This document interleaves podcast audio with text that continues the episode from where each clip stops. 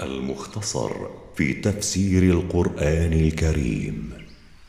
تلاوة الشيخ القارئ محمد صديق المنشاوي. قراءة التفسير ياسين اللحياني ورياض عاشور. إنتاج مركز تفسير للدراسات القرآنية. سورة العلق. أعوذ بالله من الشيطان الرجيم. بسم الله الرحمن الرحيم. اقرأ باسم ربك الذي خلق.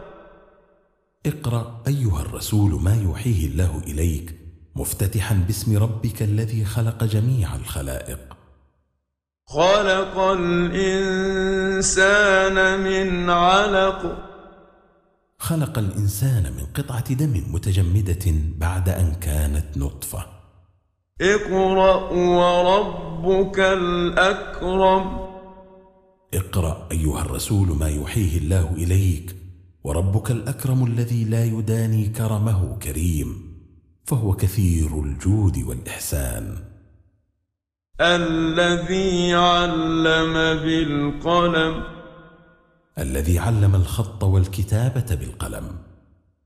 علم الإنسان ما لم يعلم. علم الإنسان ما لم يكن يعلمه.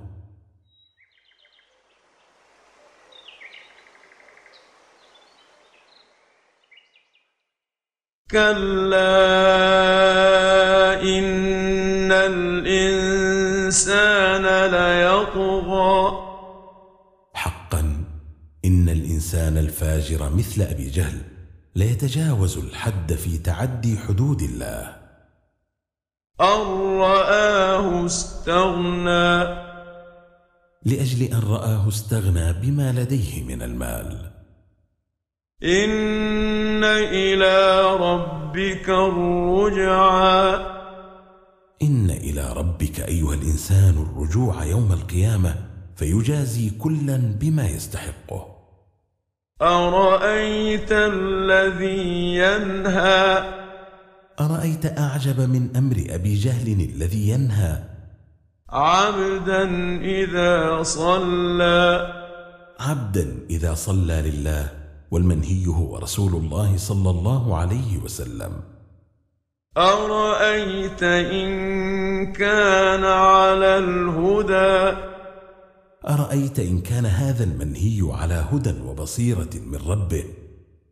أو أمر بالتقوى؟ أو كان يأمر الناس بتقوى الله بامتثال أوامره واجتناب نواهيه؟ أينهى من كان هذا شأنه؟ أرأيت إن كذب وتولى. أرأيت إن كذب هذا الناهي بما جاء به الرسول وأعرض عنه. ألا يخشى الله؟ ألم يعلم بأن الله يرى؟ ألم يعلم ناهي هذا العبد عن الصلاة؟ أن الله يرى ما يصنع لا يخفى عليه منه شيء.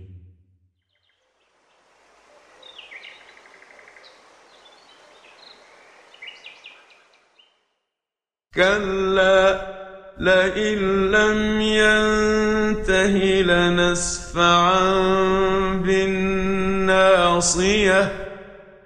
ليس الأمر كما يتصور هذا الجاهل. لئن لم يكف عن أذاه لعبدنا وتكذيبه له لنأخذنه مجذوبا إلى النار بمقدم رأسه بعنف. ناصية كاذبة خاطئة.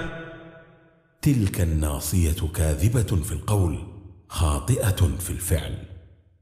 فليدع ناديه. فليدعو حين يؤخذ بمقدم رأسه إلى النار أصحابه وأهل مجلسه يستعين بهم لينقذوه من العذاب. سندع الزبانية. سندعو نحن خزنة جهنم من الملائكة الغلاظ الذين لا يعصون الله ما أمرهم ويفعلون ما يؤمرون.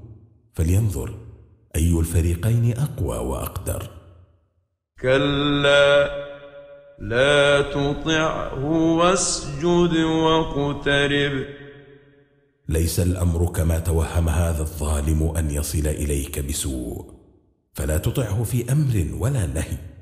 واسجد لله واقترب منه بالطاعات فإنها تقرب إليه. إنتاج مركز تفسير للدراسات القرآنية.